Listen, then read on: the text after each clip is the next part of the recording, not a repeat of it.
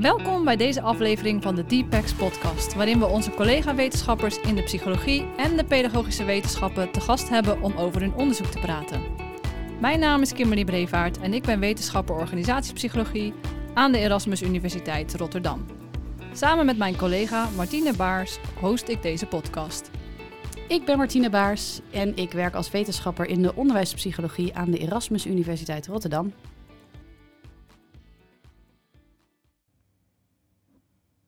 Welkom bij weer een nieuwe aflevering van de Deepex podcast. Vandaag hebben we onze collega Peter Verkoeien te gast. Peter is lector van het lectoraat Brein en Leren bij de Avans Hogeschool. En we hebben een primeur, want sinds Ja, vandaag ja. is bekend geworden dat hij ook bijzonder hoogleraar onderwijspsychologie van onze afdeling is binnen het team Methode en Vaardigheden. Van harte Gefeliciteerd. gefeliciteerd. Dankjewel, dankjewel. Zijn leerstil heet praktijkgericht on- onderwijsonderzoek naar toepassingen van de cognitieve psychologie in het hoger onderwijs. We gaan het hebben over zijn onderzoek in de cognitieve psychologie en hoe dit meer inzicht geeft in het leerproces van studenten en hoe dit te ondersteunen in het maken van instructies en aanbieden van strategieën. Dus docenten en studenten opgelet, doe hier je voordeel mee. En Peter, van harte welkom. Leuk dat je er bent. Dankjewel. Welkom. Leuk om er te zijn. Ja. Ja, nou, we zijn heel erg blij dat je er bent. En eh, ja, we hebben heel veel om over te praten. Dus ja, na die mooie introductie ga ik toch één dingetje daar eerst eens even uitpikken. Eh, want voor mensen die dat misschien nog niet kennen, wat is een lectoraat eigenlijk en wat doe je daar? Ja, goeie- goede vraag om mee te beginnen. Ja, lector, ja, lectoraten bestaan, als ik even uit mijn hoofd eh, moet zeggen, sinds 2001 aan hogescholen. Het zijn onderzoekseenheden aan hogescholen. Ja. Die praktijkgericht onderzoek doen naar vraagstukken uit een bepaalde beroepspraktijk. like. En dat onderzoek wordt heel vaak gedaan door ehm, de docenten die in het HBO werkzaam eh, zijn. En die naast hun onderwijs dus ook, ehm, of naast hun onderzoek ook onderwijs doen. Ah, Um, en die lectoraten die spelen een rol in de vormgeving van het onderwijs zelf aan hogescholen. Uh, maar ook in de doorwerking, zoals dat in het HBO heet. Op de Mhm. universiteit heet doorwerking vaak valorisatie of kennisbenutting.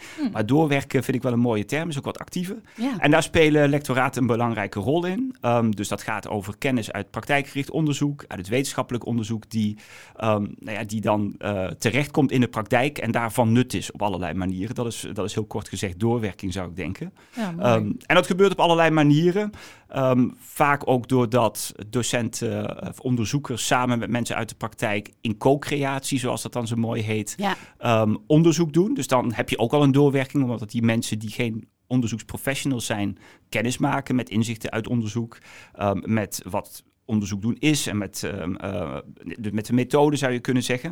Uh, maar het gebeurt ook op andere manieren, door bijvoorbeeld docentprofessionalisering, um, maar ook door andere zaken zoals uh, lezingen, workshops, um, handreikingen, allemaal dat soort zaken, publicaties voor de beroepspraktijk. ja. Allerlei manieren waarop er impact op een werkveld gepoogd uh, gemaakt te Ja. worden. Zeg je dat zo? Het klinkt een beetje als een Duitse vervoeging, maar waarin doorwerking plaatsvindt.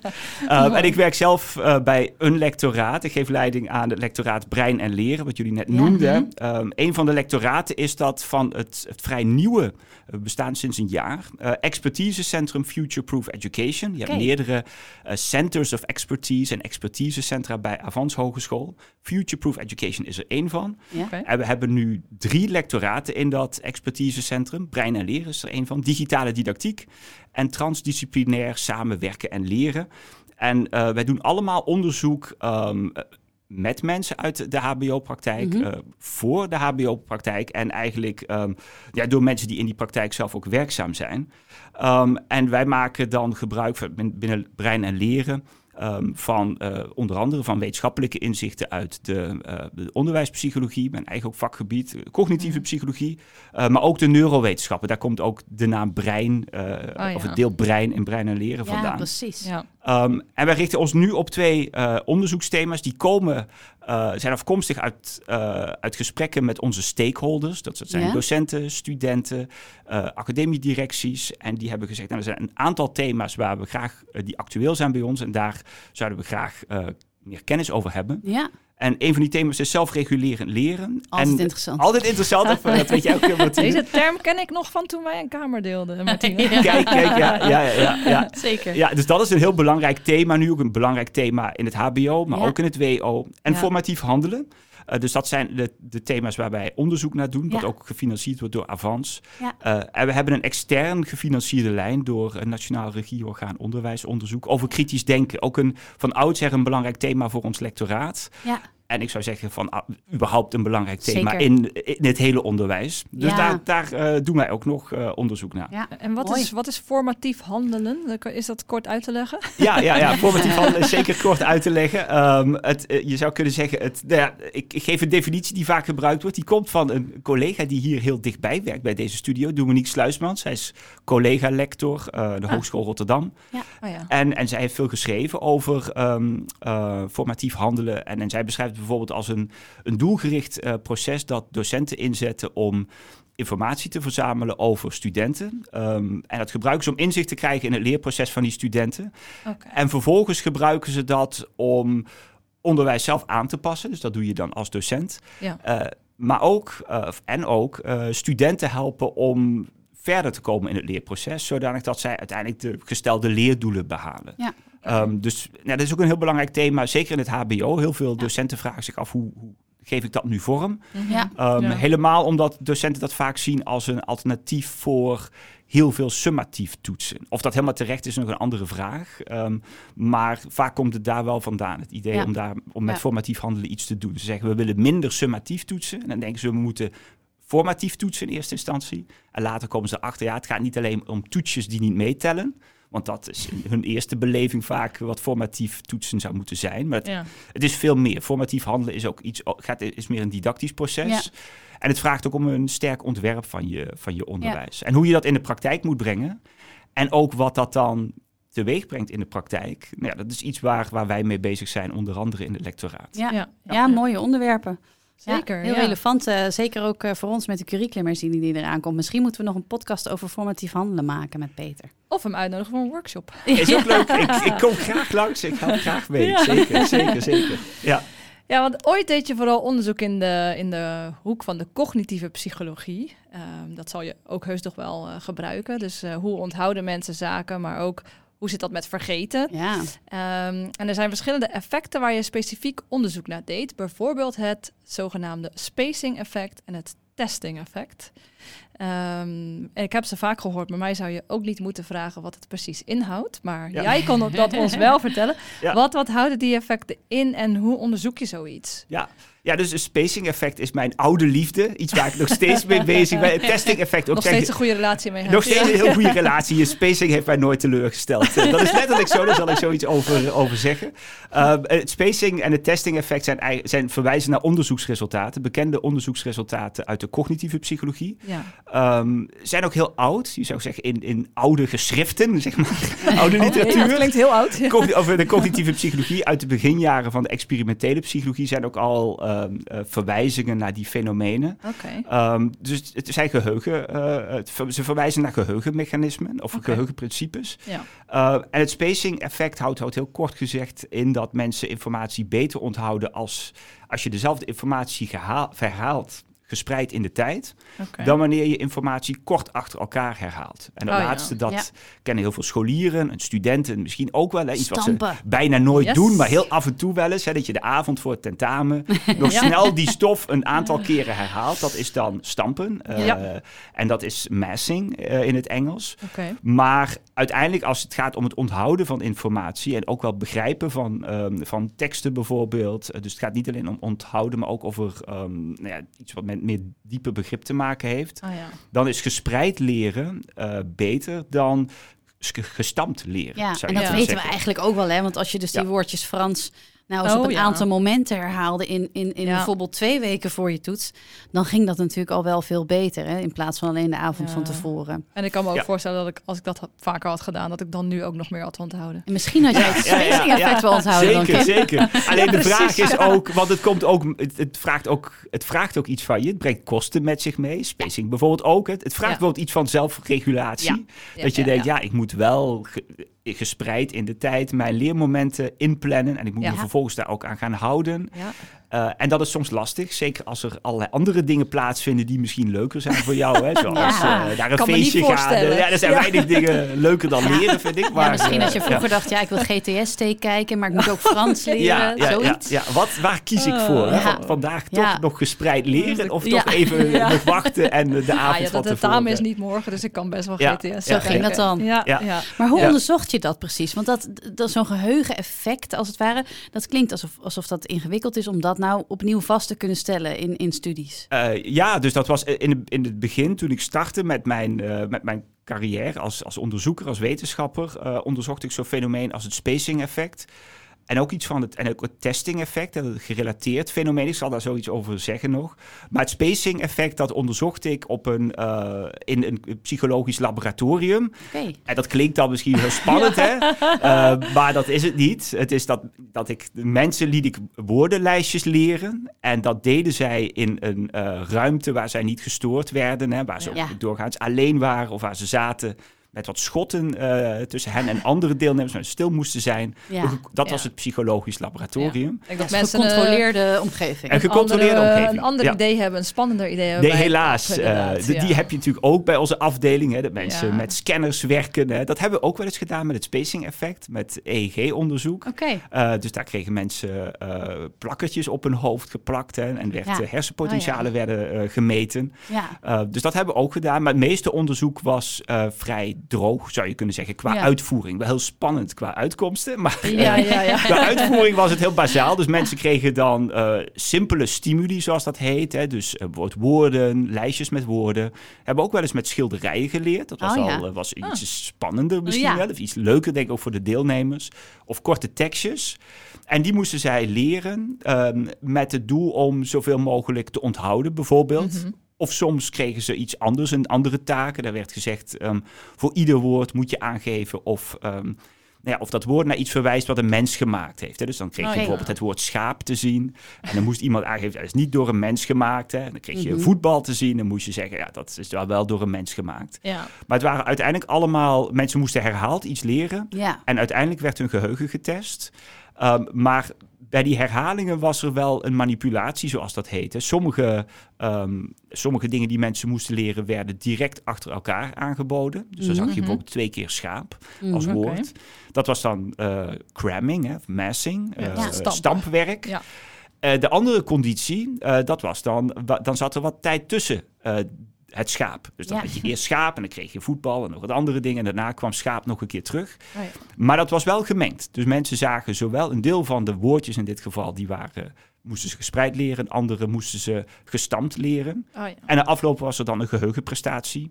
Test. Ah, ja. En, eh, of werd een geheugenprestatie gemeten. En dat deed je dan op verschillende manieren. Bijvoorbeeld de free recall kon. Hè. Dus dan werd aan mensen gewoon gevraagd... ehm, schrijf op wat je nog weet van de lijst die je had herhaald. Oh, ja. Maar soms had je ook een herkenningstaak, zoals met die schilderijen. Dan kreeg je schilderijen Ah, te ja. zien en moest je zeggen... is dit de schilderij van dezelfde schilder die je al hebt gezien? Of is dat een nieuw schilderij? Oké. Dus het varieerde wat. Ja. Ehm, maar de aanpak was altijd hetzelfde. Mensen leerden dus, eh, eh, een aantal leerden iets. eh, dat was gespreid en Mhm. herhaald, dus dat was gemixt. En na afloop een geheugentest. En wat je dan altijd zag, is eh, dat, dat, je, dat, stu- dat studenten, zeg, het waren meestal studenten... Ja. eh, dat die ehm, informatie beter onthielden wanneer die informatie gespreid was geleerd. En minder goed wanneer het ehm, eh, gestampt was geleerd. Mm. Ja, en dat Ja. is dus dat spacing effect. Dat het Ja. dus beter is om dat met die tussenpozen eh, te bestuderen. Omdat het dan dus toch beter in het geheugen beklijft als het ware. Ja, ja, en een heel robuust fenomeen. Vandaar dat ik toen net zei dat ik daar heel specifiek effecten Heb je Dat is, teleurgesteld? nee, het is ook Eh. iets wat je heel makkelijk kunt demonstreren aan Ja. studenten in, ehm, in, in van die eh oefenonderzoekjes Ja. eigenlijk. Hè. Je vindt Ja. bijna altijd het resultaat. Vaak ook wel per individu. Niet, Ja. dat, niet altijd. Zo sterk is het dan ook weer niet. Maar zeker Of op groepsniveau. zeker. Ja. Maar je zei net Ja. al, dat testing effect, daar daar was je iets, iets minder... Had je iets minder passie voor, hoorde ik. Ja, ja, die kwam later. Want- kwam later. Maar scheelt, scheelt weinig hoor. Ja, Het, eh, wel was nog het. steeds heel passioneel. Want eh. het, lijkt er, het lijkt er een beetje op, hè? Het, het is ook dus zo'n geheugeneffect. Maar hoe Ja. zit dat dan met, met, met het testing Ja, effect dus testing en practice? spacing zijn eigenlijk gerelateerde fenomenen. In Ja. de zin, het gaat allebei om herhaling van, van informatie die je moet leren. Mm. Uh, maar bij spacing heb je herhaling door herbestuderen. Ja? Maar bij testing is het zo dat je eerst iets bestudeert en daarna herhaal je het door, ehm, door datgene wat je bestudeerd hebt uit je geheugen eh, terug te halen. Op te halen, ja. ja. Dus eh, dat is Oh ja. eigenlijk jezelf testen. ja. Hmm. Eh, het, het heet ook tegenwoordig eh, is, het, is dat fenomeen testing effect bekend als retrieval practice effect, of Ja. eigenlijk een heel lange tijd. Eh, dat kwam ook omdat in het begin, toen dat fenomeen eh, weer opkwam, dat is zo'n tien jaar geleden, of nee, langer al, 16 jaar geleden. Ehm, toen heette het nog het testing effect, maar toen zag je dat zeker mensen uit het onderwijs daar best een negatieve connotatie bij hadden. Oh ja. Hmm. Die dachten, eh, dit fenomeen laat vooral zien dat je heel veel moet toetsen in je Ja. onderwijs. Ja, en dat klinkt helemaal is niet goed. natuurlijk Eh, een, en eh, zeker in de VS was ja. toen in 2006 hebben we het over pas en misschien nog steeds wel veel discussie over teaching to the test en, en Ja, heel ja. veel en dat er dat er onvrede was over nadruk op Ja. eh, leren voor standardized testing. Eh nou ja, zo'n Mm. testing, die naam die viel toen niet zo goed. Nee, precies. Maar retrieval practice dekt de naam wel beter. Het gaat. Kan ik dat vergelijken met dat je eigenlijk een soort van jezelf test? Dus bijvoorbeeld, ik heb een eh, presentatie gemaakt om te, op een congres iets te presenteren. En ik loop daarheen en in mijn hoofd herhaal ik die presentatie om te kijken of het erin zit. Ja, zeker. Dat is het ook. Dus die op het ophalen kan dan eh, eh, covert gebeuren, zoals jij nu beschrijft. En Ja. je herhaalt het voor jezelf in je hoofd. Ja. Eh, je zou het ook hardop kunnen doen voor Ja, ja. jezelf. En eventueel zelfs nog aan iemand anders kunnen laten horen. Daar komt Oh, natuurlijk ja. wat iets extra's bij. Ja, Ja. ja. Eh, maar het gaat om het ophalen van informatie uit je geheugen. Uit je geheugen, als, als Ehm, oefening als het ware. Ja, Ja. als leerstrategie. Ja. Ja. En dat, ehm, dat werkt ook heel sterk. Dus als je, Ja. eh, als je bijvoorbeeld dat vergelijkt met herhaaldelijk bestuderen, Ja. Ehm, dan is eh, jezelf toetsen, eh, of jezelf testen, is, is veel beter. Zeker op langere Hmm. termijn. Ja. Ja. Ehm, dus, dat, eh, dus stel dat je een tekst leert, eh, dus die bestudeer je eerst met de tekst erbij. En je zou die tekst daarna nog een keer bestuderen. En een week later vraag ik, nou, wat weet je nog van die tekst? Dan is zo'n manier van herhalen slechter dan wanneer Ja. je eerst die tekst leest en daarna voor jezelf probeert op te halen waar die tekst over ging. Dus Ja. dat is Ja, zonder de tekst erbij. Ja. Mhm. Dus dat ophalen is ook wel een heel sterk mechanisme inderdaad. Om het goed in dat geheugen te verankeren als het ware. Ja, zeker. Ja, klopt. ja. Ja, ja. Nou ja, en hoewel je natuurlijk in het lab, de studies die je net omschreef, die waren dan in ons lab. eh, hoewel je daar natuurlijk heel goed onderzoek kunt doen. En je kunt heel gecontroleerd kijken welke instructies en procedures geven nou het effect eh, waar je naar op zoek bent. Ehm, is het toch wel anders dan ja, die weerbarstige praktijk, zou ik bijna zeggen. Maar jij hebt nu juist de praktijk ook echt wel onderdeel gemaakt van je onderzoek. We hebben het net al echt wel gehoord ook toen je het lectoraat omschreef en hoe jullie werkwijze is. Eh, maar je hebt ook een hele reeks studies eh, kunnen doen over hoe we in het onderwijs kunnen werken met ontwerp om te zorgen dat de leerstof zo goed mogelijk onthouden kan worden. Kun je wat meer zeggen waarom je de praktijk eh, zo belangrijk vindt in je onderzoek? En zijn er dan ook zaken die in die praktijk heel anders uitpakken dan in het lab? Ja, ja dus waarom ik het zo belangrijk eh, vind. ehm, dat heeft ook deels te maken, denk ik, met, met, met de eigen opleiding die ik heb gehad. Ik ben eh, als onderwijspsycholoog eh, afgestudeerd in Maastricht. Was destijds een jonge opleiding met afstudeerrichting cognitieve psychologie. Ja, Ehm, of het was cognitieve psychologie met afstudeerrichting o- eh, onderwijspsychologie, denk ik. Ehm, maar hoe dan ook, ben ik eh, daar eh, als onderwijspsycholoog opgeleid. En in Ja. die opleiding ehm, stond, denk ik, stond, denk ik, ja, dat, dat klopt ook wel, denk ik. ehm, het toepassing van eh, kennis uit, ehm, uit de wetenschap. En daar ging het vaak over de eh, kennis uit de cognitieve psychologie, de onderwijspsychologie, instructieontwerp. Ehm, de toepassing daarvan in de praktijk speelt daar best een belangrijke rol. oh, oké. Wij leerden daar bijvoorbeeld over het eh, Four Components Instructional Design van, je- eh, model van Jeroen van Ja. Merrienboer. Dat was toen ehm, net uit, het boekje waarin hij dat Ja. beschreef, het rode boek. Ja, Eh, het is geen boekje, maar een Ja. boek. Het klinkt een beetje als, Eh, de, als klinkt de, een beetje de als Bijbel eh, van de ja, Zedong Ja, ja, ja, ja, we waren daar niet heel Jullie dogmatisch studenten liepen in. met het eh, rode ja, het rode door boekje van, Maastricht. van. En iedereen die eh, waagde om niet volgens die principes onderwijs te ontwerpen, die, die moest het ontgelden. Maar dat, dat was ook heel toepassingsgericht, denk Ja. ik. Ging ook echt vanuit dat je dat wat daar in dat model aan bod kwam, dat dat was ook wel bedoeld om docenten, iedereen die onderwijs ontwerpt, om die te helpen om dat op een Mm. goede manier te doen. En dus heel erg ook een, eh, daarin zie je ook dat, ehm, dat allerlei elementen uit de cognitieve psychologie en onderwijspsychologie komen terug in, eh, Ja. in de ontwerpprincipes. Dus dat speelde een rol daar. ja, Ehm, we hadden daar ook een probleemgestuurde opleiding, zoals in Rotterdam ook Ja. nog steeds Ja. deels hebben, alhoewel het tegenwoordig wat min, niet zo heet meer. Dat Maar de een beetje aan het principes veranderen. Ja, eh, de die zijn nog wel nog. worden Ja. overeind gehouden. Ja, Ja. zeker. Maar in ja. Maastricht was het echt PGO, probleemgestuurd onderwijs. Daar afficheerde ehm, eh, die, eh, de, de opleiding psychologie zich mee. De hele instelling, de Universiteit Maastricht deed dat trouwens. Ja. Ehm, en PGO zou je kunnen zeggen dat die, die methoden, of die principes die erin zitten, zijn ook pogingen om inzichten uit de cognitieve psychologie eh, toepasbaar te maken in Ja. de praktijk. Ja. En dat vond ik toen ook wel heel interessant. Ik vond dat, eh, eh, eh, ik was eigenlijk wel door gefascineerd. Ik vond dat leuk dat je, die, dat je de inzichten uit die wetenschap, de cognitieve psychologie vooral toen, ehm, kon gebruiken om het onderwijs beter te maken voor studenten. Ehm, en er zijn ook mensen met wie ik werkte, die promoten dat heel erg. Hè? Dus Ja. dat eh, Henk Schmid, die, eh, Oh, die ja. was, een- was een van de professoren van wie ik les kreeg in Maastricht. Later ook mijn promotor. En ook Ah. iemand die eh, in, als bouwdecaan de opleiding psychologie heeft opgezet. Jullie, die jullie heel goed kennen. gekregen. Ja, zeker. ja. Ehm, en, en hij promoot dat ook wel heel erg, denk. Het idee dat je eh, inzichten uit de wetenschap kunt gebruiken om het onderwijs beter te maken. Maar ook dat je onderzoek moet doen naar wat je, wat je bedacht hebt eigenlijk. Hè? Dus Ja, hij deed ook veel, hij, het was niet dat hij alleen maar PGO promote in praktische zin. Maar hij probeerde daar, probeerde, hij koppelde daar ook onderzoek Ja, aan. zeker. Hè? Dus als Ja. jij claimt dat een methode zoals PGO, dat die beter werkt voor het een of ander, dat studenten daar beter, een, bepaald soort motivatie meer laten zien Ja. dan, dan in een niet-PGO-systeem, hoe moeilijk die vergelijking ook is. Ja. Dan is het ook goed om dat te onderzoeken. ja, kijken of dat echt zo is, inderdaad. Ja, ja, zeker. Dus, Want dat is dus dat testen van je aannames. Hè?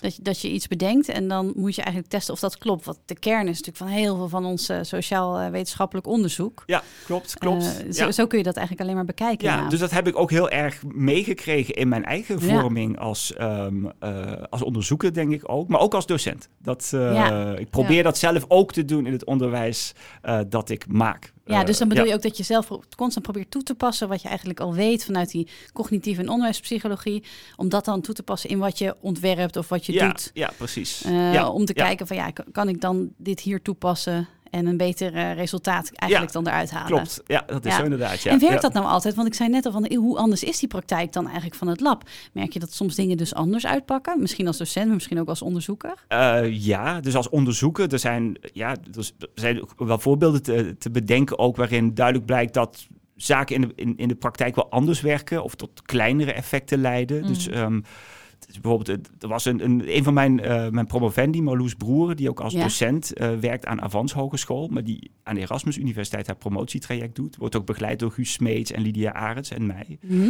Ehm, zij doet onderzoek naar hoe je studenten kunt stimuleren om een bepaald soort leerstrategieën toe te passen tijdens een zelfstudie. En dat zijn eigenlijk strategieën zoals spacing en testing. Eh, zij richt zich heel specifiek op retrieval practice overigens. Ja. Maar in het algemeen gaat het over strategieën die, ehm, die leiden tot diepere verwerking van de stof. Want vaak is dat een probleem dat docenten vaak her- ook herkennen. Hè. Die zeggen, ja, die studenten leren oppervlakkig. Maar hoe kun je dat veranderen? Hè? Want we weten dat Mm. bepaalde strategieën voor leren beter zijn dan andere. Ja. En nu leek er uit een, eh, een labonderzoek, gecontroleerde setting van eh Ariel Carpicky, of eh, Ariel en, en Carpicky, niet Ariel Carpicky, maar Ariel and Carpicky. Ja, ja. Ehm, eh, leek in een labstudie dat een simpele instructie dat die heel effectief kan zijn. Dus die mensen in dat lab die leerden woordparen. Ik geloof dat het Amerikaans Litouws was, even uit mijn hoofd. ja. Ehm. Dat was in een, op een Amerikaanse universiteit gedaan. En die studenten kregen van tevoren eh, te horen van ja, het leren, het helpt als je eh, die woorden probeert eerst te bestuderen en dan op te halen uit je geheugen. Ja, en als je dat minimaal drie keer doet. En dan kreeg ze eerst een instructie. De controlegroep kreeg die, eh, die instructie niet. Die kreeg een, instructie eh, om retrieval practice ja, toe te passen. ja, en ze kregen ook uitgelegd waarom dat goed was Ja, om te doen. En dan kregen ze eerst twee sessies eh, met die instructie erbij om te oefenen. En een derde sessie, op een andere dag ook, als ik me niet vergis, kregen ze geen instructie meer. Werd gewoon gezegd, nou hier heb je een nieuwe set aan woorden, doe maar, leer maar. Eh, het belangrijkste is dat je zoveel mogelijk onthoudt. Ja, En wat zag je in die eh, experimentele groep die voorlichting had gegeven over heilzame werking van retrieval practice? ja. Die deden dat veel vaker dan mensen die die instructie niet hadden gekregen. Een heel Ja. groot effect. Zelfs op die derde dag dus, als ze zelf Ja. Konden Ja. besluiten hoe doe Ja. ik dit, Ja. dan toch zag je nog het effect van die Ja. instructie die ze Ja, en dat was ook een groot effect. Ja. In het laboratorium en, en in het artikel dat eh, Ariel en Carpicchi daarover schreven, dan zeiden ze ook dat heeft best wat implicaties voor de praktijk, want zo'n instructie kan helpen. Eh, en Marloes heeft dat ge- getest in haar praktijk Ja. ehm, bij eh, studenten in haar opleiding. Ja, Ehm, en daar heeft ze eigenlijk diezelfde opzet gehanteerd, maar dat ging om, eh, ja, mensen moesten concepten leren, volgens mij uit een marketingdomein. Oké. En, ehm, en ja, de ene groep die was een, een, echt een experiment. De ene groep die kreeg eh, die instructies over hoe goed eh, eh, retrieval practice was. En dat het leren van die concepten, dat dat hielp als je dat zou doen. Ja. De andere groep kreeg dat niet. Later werd dat nog eens omgewisseld trouwens. ja, precies. want in de Ehm, praktijk wil je natuurlijk dat iedereen Ja, uiteindelijk... iedereen profiteert. Ja, Ehm, ja. Maar wat je zag, is je zag wel een, een beetje een effect. Die Ja? mensen die die instructie hadden gekregen, die, eh, die, die gebruikten echt wel meer retrieval practice dan de mensen die dat niet hadden gedaan. Maar dat effect was veel en veel kleiner dan in die gecontroleerde labsetting. En wat überhaupt opviel bij al die studenten samen, los van in welke groep ze zaten, is dat die mensen heel weinig deden.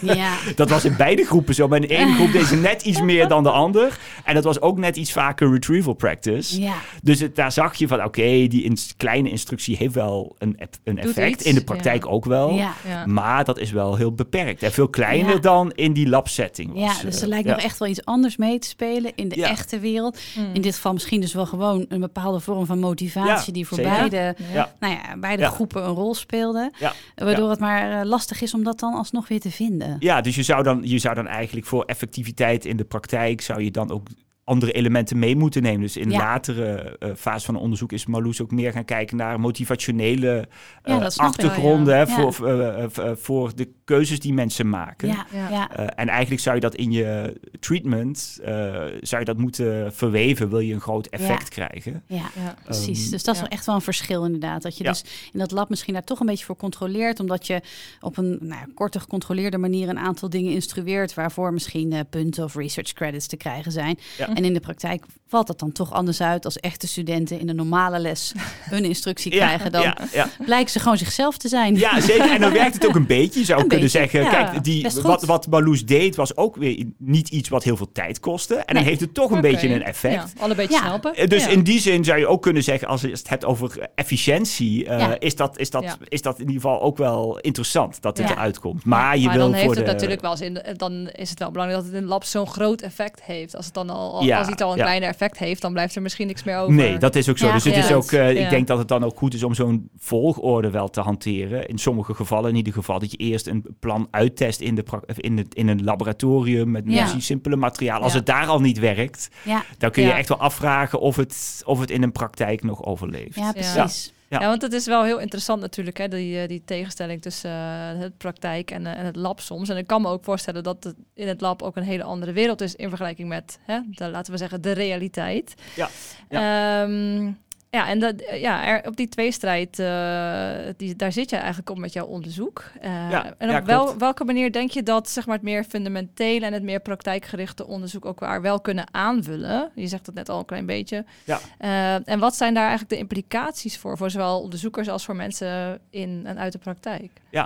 Ja, dus ik, ik denk dat ze elkaar goed kunnen aanvullen. Meer fundamenteel onderzoek in het onderwijs. Alhoewel echt fundamenteel is dat dan ook weer niet, denk ik. Als je niet zo fundamenteel als in theoretische natuurkunde bijvoorbeeld. Ja, hè. ja, Ehm, maar toch, wat je beschrijft, dat eh, labonderzoek. ehm, je, je, bedoelt dat, je kunt dat ook gebruiken om, ehm, om, om eerst eens een, een concept te testen eigenlijk. Of een idee. Hè, dat jij een hypothese hebt, dan, dan is het goed om te kijken naar... Over, wordt, wat, wat zie ik nu wat er gebeurt als je dan in een gecontroleerde setting die hypothese Ja. toetst met simpele Ja. materialen? Ja. Ehm, ja, wat je net al aangaf, als je daar dat effect niet vindt wat je hoopt te vinden, dan, dan, dan, is het, dan zou ik niet zo snel de praktijk daarmee Nee, dan wordt ingaan. het moeilijk. Ja. En misschien ook voor heel specifieke theoretische inzichten zou het zou, zou eh, meer laboratoriumonderzoek Mhm. ook eh, zou zich ook wel goed lenen. Of het Mhm. isolatie van bepaalde Ja. ehm, ehm, van, van bepaalde effecten. Van waar komen Ja. de mechanismen nu pre- precies vandaan? Precies, dus hoe het precies werkt of Ja. waarom een bepaald effect. Dat zou misschien juist geschikt zijn voor het meer fundamentele onderzoek, wat bijvoorbeeld in een lab kan, eh, kan plaatsvinden. Terwijl dat misschien in de praktijk te lastig is om dat te doen. Ja, dat, dat, daar is de context ook ehm, is, is complexer en En, en Mhm, zijn, spelen er mhm. allerlei eh, mechanismen tegelijkertijd een rol en interacteren ook met elkaar. Dan, Ja. eh, um, en is het misschien ook niet zo'n zinnige vraag of je, eh, of je een heel specifiek effect hebt. Ja. Soms is dat wel zo, maar soms ook niet. Hè? Nee, Ehm, nee. Dus daar zou je rekening mee moeten houden. Tegelijkertijd denk ik ook dat het, nou, zeker voor een toch een toegepast veld als de onderwijspsychologie, dat het wel Mm. belangrijk is dat, dat ook theorieën in ieder geval, dat die iets zeggen over leren in een realistische context. Ja. Ja. En daarvoor heb je ook praktijkgericht onderzoek nodig, Ja. eh, zou Ja. ik denken. Ja, want je noemde al dat jullie uit de cognitieve en de onderwijspsychologie en ook eigenlijk uit de neuropsychologie putten binnen het lectoraat om Ja. eigenlijk de vraagstukken waar jullie mee bezig zijn te bekijken en daar onderzoek op, eh, op op te zetten. Ja. Is dat dus ook op de manier die je zojuist omschrijft, dat je eigenlijk kijkt naar als er bepaalde theorieën zijn waarvan we denken dat op deze manier het geheugen werkt of het onderwijs ontworpen moet worden, is dat dan ook de manier waarop je dat praktijkonderzoek inricht? Van het start je als het ware meer vanuit de fundamentele principes en theorieën die er zijn, of hoeft dat niet altijd? Nee, dat hoeft niet altijd. Het, het start vaak, denk ik, misschien wel altijd bij een vraag uit de praktijk. Ja. Maar die moet wel passen bij onze expertise. Ja. Ehm, dus bijvoorbeeld mensen vragen ons, eh, nou nu tegenwoordig zijn heel veel docenten eh, he- hebben vragen over zelfregulerend leren. En Ja. dan komen ze bij ons met de vraag, eh, hoe ondersteun ik zelfregulerend leren? Daar begint het dan. Ehm, en daar zouden wij dan, eh, als we daar een onderzoek aan gaan koppelen, gaan we kijken, ja, wat is nou precies de vraag? Ja. Ehm, Mhm. Is dat een vraag die wij bijvoorbeeld ook kunnen verbinden aan, aan, aan, aan vragen die relevant zijn voor de wetenschap? En vaak is dat wel zo. Ja, Ehm, en wij gebruiken dan ook theoretische kaders uit eh, de wetenschappelijke literatuur om samen met die docenten na te denken over eh, vraagstukken die ze hebben. Dus de, de Ja. theorie speelt daar ook een belangrijke rol in. Dus Ja. het, het helpt je ook om na te denken als practitioner Ja. ehm, over wat er gebeurt in jouw praktijk. Ja. Eh, dus dat Ja. speelt een belangrijke rol. ja, zeker. Dat kan ik me wel voorstellen. Ja, dat het echt wel eh, aan twee kanten eh, werkt. Het, hè? Dus het is belangrijk voor, voor de docenten, voor de praktijk, maar ook voor het, voor het onderzoek, voor de wetenschap, waar je ook weer aan bijdraagt. Ja, mooi. klopt. mooi. Ja. Nou, je bent ook lid van het team Methode en Vaardigheden binnen onze afdeling. Ja. En ehm, ja, je bent eh, ook een voorstander van eh, eh, open science, wat voor mij heel erg verbonden is aan de methode die je zou inzetten als je onderzoek doet. Nou, steeds meer onderzoekers doen gelukkig met je mee daarin. Maar wat houdt open science nou precies in? En waarom is het zo belangrijk dat we dat doen? En zou het eigenlijk niet veel makkelijker zijn, of is het niet veel moeilijker om dat open science te doen? En zou het niet veel makkelijker zijn om dat niet te doen? Ja, Eh, ja om eens eerst bij het eerste te beginnen. Dus open science is ook is een, een, een heel breed begrip, Ja. denk ik. Valt heel veel onder. Ehm, bijvoorbeeld, het, deels gaat het over transparantie, eh, Mhm. openheid, letterlijk openheid. Hè, dat, eh, dat als jij doet, dingen doet als onderzoeker, dan zou je kunnen zeggen, is het een belangrijk moreel principe ehm, dat jij navolgbaar bent. Hè? Dus als Mhm. jij zegt, ik heb een bepaald soort vragenlijst gebruikt, of ik heb een bepaald soort tekst gebruikt, of een schilderij, hè, Ja, eh, dat, je, dat het fijn is als, als anderen die over jouw werk lezen, dat die dat ook, dat die dat ook kunnen zien. Wat Moet dat precies beschikbaar was. Hè? Ja, en zijn. Beschikbaar maken. Ja. Dus die, eh, die, die ehm, stimuli, zoals dat dan heet, beschikbaar maken, dat is één Ja. ding. Ja. dat lijkt me niet zoveel Eh, moeite. nee, hè? nee, dat is nee. eigenlijk, ja, as you Klopt, go. dat klopt. Dus- En, en soms heb je wel eens met vragenlijsten dat dat niet helemaal dat dat, dat, dat lastig is, omdat daar eh, beschermingen zijn, Ja. hè, copyrights bijvoorbeeld. Eh, maar in principe is dat deel best makkelijk. Mhm. Uh, maar het gaat ook over openheid in de zin dat je de data deelt. Hè? Als jij Ja, data verzameld hebt, en die moeten natuurlijk wel, als je ze dan deelt met andere mensen, moeten, andere, moeten belangrijke ethische principes geborgd zijn. Um, maar delen van die data, maar ook de scripts die je hebt gebruikt voor de analyses. Um, dat delen helpt alle, allemaal om, om jou navolgbaar te maken. Ja, Dus uh, ja. iemand, als jij als reviewer bijvoorbeeld hè, een stuk moet beoordelen, is het uh, handig als je kunt zien, hè, die persoon heeft iets gerapporteerd Ja. uh, in, in, in, een, in een stuk. Um, maar goed, ja, voor, zonder de data moet je erop vertrouwen dat die persoon dat allemaal goed heeft gedaan. En ik denk dat dat echt, echt wel realistisch is, dat dat ook goed gebeurd is. Ja. Maar het is ook wel fijn als je dat nog eens een keer kunt checken. Dat je gaat kijken, oh ja, dit is de dataset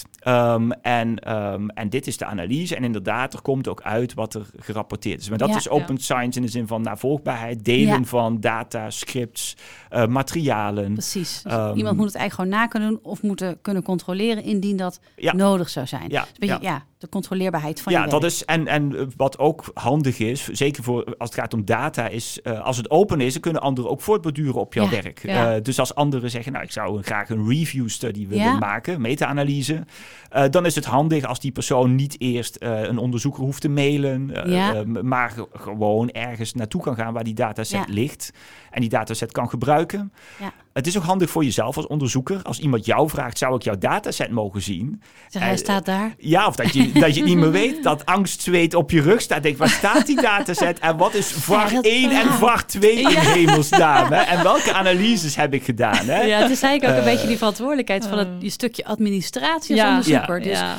dat Ja. je alles zo hebt opgeschreven dat een ander het kan volgen, Ja. omdat je volgens Open Science werkt, is eigenlijk een bescherming ook voor jezelf. Dat Ja. je niet over tien jaar erachter komt dat je inderdaad VAR 1 en VAR 2 Ja, hebt laten staan, omdat je dat toen wist. Ja, dus het kost misschien wat werk ja. extra. Alhoewel het wel heel erg Oh, in lijn zit ook wel met wat, wat denk ik onderzoekers ook standaard wel doen. Dus Als je het heel direct doet, dan zou het eh, ook heel efficiënt kunnen zijn. ja, klopt. Ja. En dan kunnen mensen jou dus eh, kunnen jouw stappen volgen, kunnen jou ook kritisch eh, evalueren, wat denk ik ook heel belangrijk is in, in, Ja. in onderzoek. Ja, zeker. Ehm, ja, ja, Ja. En open science gaat ook over ehm, eh, bijvoorbeeld dat je, als jij een hypothese hebt, een voorspelling maakt, ehm, dat je daar transparant over kunt zijn. Dus dat je zegt, ik heb van tevoren, ehm, eh, heb ik een, dat je ook kunt laten zien dat jij de voorspelling van tevoren hebt gedaan Ja, en niet dat vind ik wel interessant, want daarbij dacht ik, goh, is dat nou niet heel lastig om van tevoren precies te zeggen, kijk eens, dit is mijn plan, dit, dit ga ik doen. Eigenlijk doen we het allemaal, maar ik vind dus vooral in onderwijsonderzoek is best nog wel eens eh, een beetje, nou ja, messy klinkt wel heel negatief, maar er gebeuren wel eens dingen, want met echte leerlingen, echte studenten, Ja, echte ja. docenten lukt het soms niet zo strak als je het gepland hebt. Nee, en in een lab nee. is dat misschien wat makkelijker. Dus ik heb wel eens gedacht, is het niet een beetje moeilijk in de onderwijswetenschap om van tevoren goed aan te geven, nou, dit was mijn plan. En, en dat dan ook te doen. Ja, wat- wat- zeker. wat dat is ook lastiger. Dus in Ja. de praktijk is dat ook moeilijker. Het, Ja. het kan Ja. wel, denk ik. Maar ehm, ik, ik zou zeggen, het is vooral belangrijk om daar dan ook voor jezelf open in te zijn. Als, Ja. jij, een, het, als jij een voorspelling doet, ehm, dan is het voor jezelf wel fijn om te bedenken... of om te weten dat je die voorspelling ook echt van tevoren hebt gedaan. En Ja. niet pas achteraf. Nee, want dat zou Ja. dan inderdaad niet, dat zou niet kloppen eigenlijk. Hè? Nee, dan heb je bij wijze van spreken je studie gedaan eh, en dan ga je achteraf zeggen, ja, het zit zo. En dat, Ja. dat is niet de Mm. bedoeling, want we willen nee, een hypothese testen. ja, Dus ja. waar we normaal natuurlijk altijd mee bezig zijn, is dat je dat van tevoren allemaal opstelt om netjes die hypothese te testen. En eigenlijk is dan de stap om dat gewoon alvast van tevoren te delen. Ja, ja, dat je dat, en dat kun je dan ook, dat is Ja. ook een onderdeel van open science. En Ja. het zegt, kijk, eh, deel dat van tevoren. Je Als jij hypothese toetst, Ja. er er zijn natuurlijk ook genoeg situaties denkbaar waarin hypothese-toetsing niet het doel is. Maar als je dat doet, dan is het wel belangrijk dat je aangeeft, kijk, ik heb dat gedaan voordat het onderzoek werd uitgevoerd. En niet, het is niet iets wat achteraf tot mij kwam via de data. Eh, en soms kan het ook onbewust gaan. hè, Want voorspellen achteraf, als je al weet wat eruit komt, is heel makkelijk natuurlijk. Ehm. Dus dat stukje is denk ik vooral ook, het helpt je zelf ook om jezelf denk ik niet voor de gek te houden. Ja, en ik denk dat het de Eh. kwaliteit dan daarmee ook verbetert. Hè? Dat als we Ja. allemaal echt goed bedenken van met hypotheses is dat dus van tevoren op basis van mijn theoretisch kader Ja. opgesteld. En dat toets ik. Ja. Door dat vast te stellen met elkaar. Misschien wel door dat netjes te registreren op bijvoorbeeld een open science framework of een andere plek waar je dat kunt doen. eh, kun je ook de kwaliteit borgen dat je dat doet. En je niet achteraf tot allerlei speculaties laat verleiden. Tenzij Mhm. dat natuurlijk helemaal duidelijk aangeeft Ja, dat je als dat je daar ook maar bent. transparant in bent. Dat kan ook prima. Je kunt ook zeggen, ik had bepaalde Ik zaken had ik voorspeld. En dat is ook, kan ik ook laten zien, want dat is geregistreerd van tevoren. Ja. En andere zaken heb ik geëxploreerd. En dat is ook prima, zolang je maar helder maakt eh, in je stuk wat waarbij hoort. En niet doet alsof eh, iets wat eigenlijk exploratie was, hypothesetoetsing was. Ja, Ja. ja, ja. Ja, en dat is dan wel interessant, want dan zou voor onderwijsonderzoek dat probleem dat het zo moeilijk is, zou eigenlijk helemaal niet zo bestaan. Want dan kun je alsnog zeggen, als je hypotheses toetst, dan maak je dat transparant. Ja. Mocht je daarbij dan zaken toch anders doen of nog extra zaken willen exploreren omdat het anders eruit zag of liep terwijl je het uitvoerde, moet je dat vooral rapporteren Ja, en ja. expliciet zijn. En dat Ja. moeten we dan als reviewers ook kunnen waarderen. Hè? Want dat Ja, is ook dat nog is wel ook eens waar het, eh, Ja. waar Ja. het misgaat. Dus Ja. we moeten het Ja. met z'n allen eigenlijk Ja. doen. Ja, de open Ja. science moet met z'n allen, dat denk ik. Ja, precies. Zeker. Ja. Ja, en je Ja. kunt het ook als, als uitgevers, hè, je zou ook natuurlijk eh, kunnen vragen om bepaalde aspecten die met open science Ja. ma- te maken hebben. Je zou zelfs nog een stap verder kunnen gaan, want eh, naast dat navolgbaarheid en preregistratie zou je zelfs nog kunnen zeggen, ehm, ik review op onderzoeksplannen. Ja, Eh, ja, registered reports heet dat, hè? zo. Dat je zegt, eh, dit is mijn onderzoeksplan. Je schrijft een inleiding, Ja. eventueel met hypothese als je die hebt. Je beschrijft wat je plan is. je een uitgebreide methode, sectie en, en analyses die je plant. En laat, je laat dat reviewen.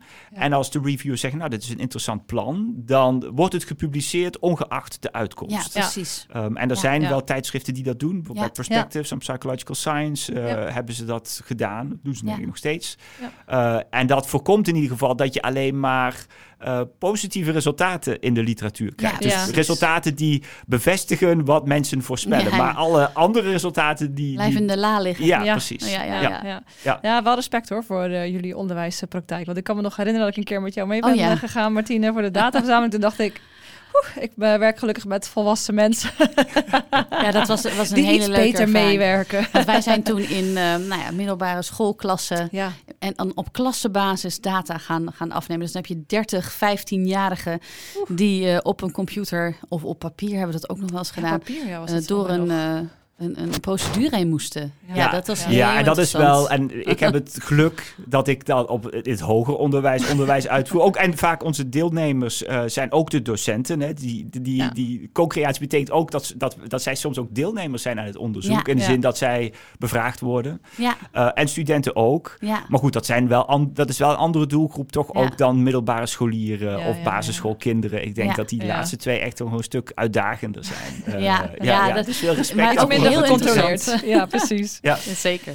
Ja. Ja, en als we nou, ehm, als je nou drie tips zou moeten geven, hè, op basis van al het verschillende onderzoek wat je tot nu toe al hebt gedaan voor docenten, misschien leerlingen, onderwijskundigen, Alle luisteraars. Nou ja, wie dan ook hier allemaal baat bij heeft. wat zouden dat dan zijn?